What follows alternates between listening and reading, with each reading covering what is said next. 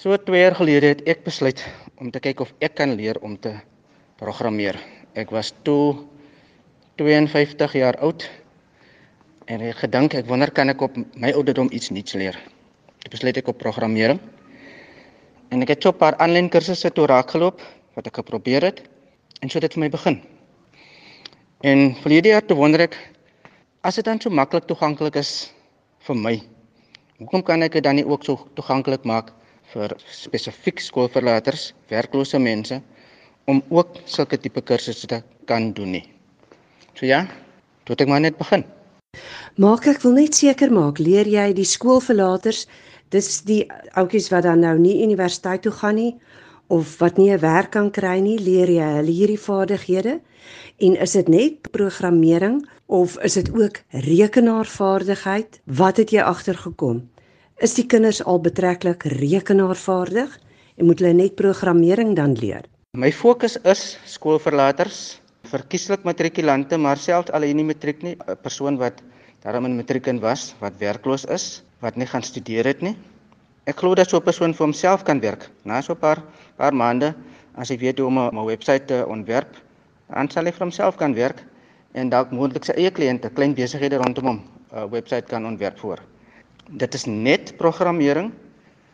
Baie van die kinders het al op een of ander manier kontak gehad met 'n rekenaar, maar ja, om daai rekenaarvaardigheid ook te ontwikkel is my eerste twee lesse baie keer daarop gemik, net om hulle te 'n bietjie te laat tik, miskien 'n teks op 'n blaai te tik, 2, 3 dae agter mekaar, net sodat hulle kan gewoond raak aan die uitleg van die keyboard van die rekenaar.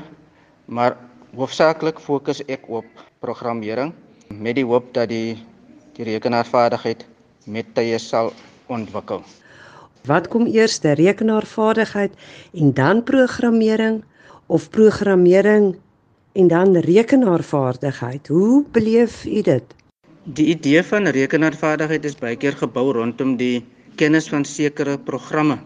OK, so mense moet dalk Word of Excel ken of Access of database ken. So dit is waarop dit baie keer gebaseer is uh, volgens my.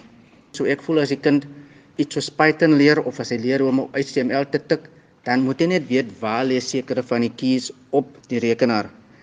Die logika leer ek hom aan en ook hoe om die beoogde uitkomste te kry. Ek het ook gedink dat 'n mens met baie van die die bestaande konsepte bietjie op sy kop draai. Ons dink almal ons moet 'n spesifieke rigting inneem of 'n spesifieke roete vat. Maar ek sê vir die kinders dit as jy in die Kaap wil kom van P af, dan kan jy kraad ook toe ry. Jy gaan nog steeds in die Kaap uitkom. Jy hoef nie net by George Jeffreys Bay en Mossel Bay om te ry nie. So dit is my tipe van ding. Try 'n nuwe benadering en kyk of dit werk. Mark Bartman, jy was nou jare lank 'n wiskunde onderwyser hier in Nelson Mandela Bay en jy het afgetree en soos jy vroeër gesê het so 2 jaar gelede eers het jy geleer programmeer en toe het jy nou begin met die klasse. Maar presies wanneer het jy daarmee begin en hoeveel kinders is al deur jou opleiding en hoeveel het jy tans in opleiding? Ek het in 2020 begin. Ek was toe by 'n hoërskool in Port Elizabeth en ek het met die skool begin in Februarie verlede jaar 2020. Maar toe stryk COVID ons mos nou. OK, en toe het ek 'n groepie daarso gehad van omtrent 12 wat ek mee gewerk het. Ons moes dit maar nou stop want dit was lockdown en alles het nog tot tot stilstand gekom. Hierdie jaar na die hervatting van die skooljaar, na die eerste kwartaal verby is, het ek besluit ek wil dit weer begin doen. So ek is nou voltyds met dit besig. Ek het in die in hierdie jaar nou al reeds 30 kinders al opgelei in drie verskillende groepe. Ek hou maar die groepies klein. Ek is tans besig met 'n nuwe groep wat ons gister mee begin het. Hulle is 4 of 5 groot. En dan begin ek môre ook met 'n nog 'n klein groepie. Soos ek sê, ek hou maar die groepies klein. Die rede hoekom ek die groepies ook so klein hou is ook omdat ek nie regtig genoeg skootrekenaars het om mee te werk nie. Ek het tans net 6 skootrekenaars wat ek self gekoop het. Dit beperk 'n bietjie die grootte van my klasse. Ek wou jou juis nou vra, het jy 'n borg of kom dit alles nog steeds uit jou eie sak? Op die oomblik is dit uit my eie sak uit. So tans fokus ek net op die Kebega streek. Ek sou graag wil buitekant na toe beweeg, maar uit my eie beperkte fondse het is dit heeltemal onmoontlik, maar die fokus is om dit later na omliggende streke toe te neem. Nou wonder 'n mens, waar kry jy al die studente? Hoe het hulle gehoor van die kursusse wat jy aanbied en wat is die verhouding stel meer jong mans as jong vrouens belang of is dit maar 'n gelyke storie? Ek het so om amper 'n maand gelede nou uh, op my Facebook blaai net so klein advertensie gesit waar ek gesê het ek bied gratis klasse aan en die bewoording was basies dat mense moet na hulle kerk toe gaan of na die skool naby hulle toe gaan 'n groepie bymekaar maak en gaan praat met die hoof of gaan praat met die predikant of met die leraar en vra kan hulle die spasie gebruik. En dan sal ek na hulle toe gaan en die klasse aanbied in die saal of in die klaskamer wat hulle gereël het. En sommige van die mense het dit raak gesien en hulle het begin om groepies bymekaar te maak. Ehm um, kerkleiers, gemeenskapleiers, iemand die so in die Hellenwil gemeenskap wat gemeenskapwerk doen het my gekontak. So hulle kry die jong mense, hulle reël die groepie en hulle reël die saal waar dit gebeur en ek gaan dan soontoe. Daar is dieselfde aantal dames as wat daar seuns is. So dit is 'n 50-50 ding. Mark Bartman, jy wat nou die gratis programmeringsklasse gee vir die jeug.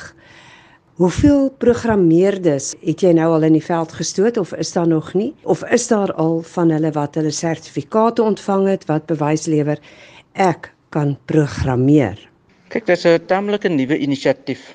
Wat ons moet in gedagte hou in die hele tyd is dat as jy kyk na na sommige van die groot colleges wat bootcamps aanbied, ehm um, dit vat omtrent 3 tot 6 maande voordat jy regtig gemaklik kan sit en programmeer. Dit is nog 'n tamelike intensiewe proses.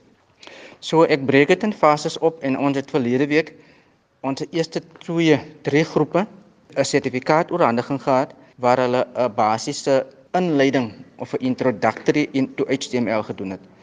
Nie een van hulle kan sê dat hulle is 'n programmeerder nou al nie, maar hulle is beslis nou al in staat om 'n basiese webblaai te kan ontwerp en om dalk hier en daar vir iemand 'n klein soos wat ons kan noem 'n statiese webwerf te kan ontwerp. Ek noem dit vir hulle 'n besigheidskaart wees. Jy hom kan opsit, iemand soek dalk 'n 'n hairdresser of 'n motorwerktuigkundige of 'n wegsleepdiens en nou pop jou site op en dan sit ten minste details van die persoon.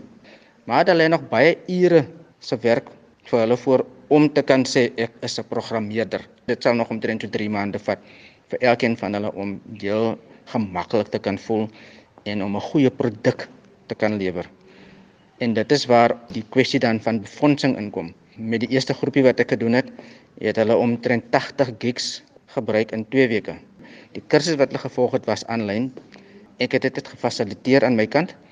Um, ek het my rekenaars beskikbaar gestel en ek het die data gekoop en ek het ook gebetaal vir hulle kursusse.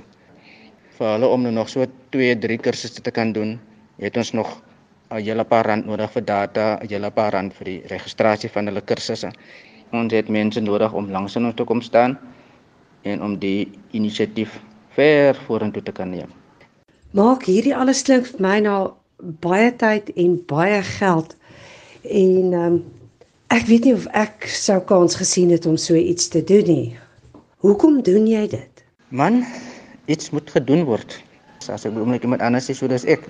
Dit vat my tyd, ek is voltyds met dit besig. Ja, ek is beskikbaar, so hoekom nie? Hierso is kinders in hierdie areas met baie talent, met baie energie. Hulle het ook groot drome en ons kan vanuit drome laat waar word. Soms moet jy jouself net beskikbaar stel as 'n instrument en hopelik oor 10, 20 jaar kan jy met 'n smile terugkyk en sien wat dit hy effort ingesit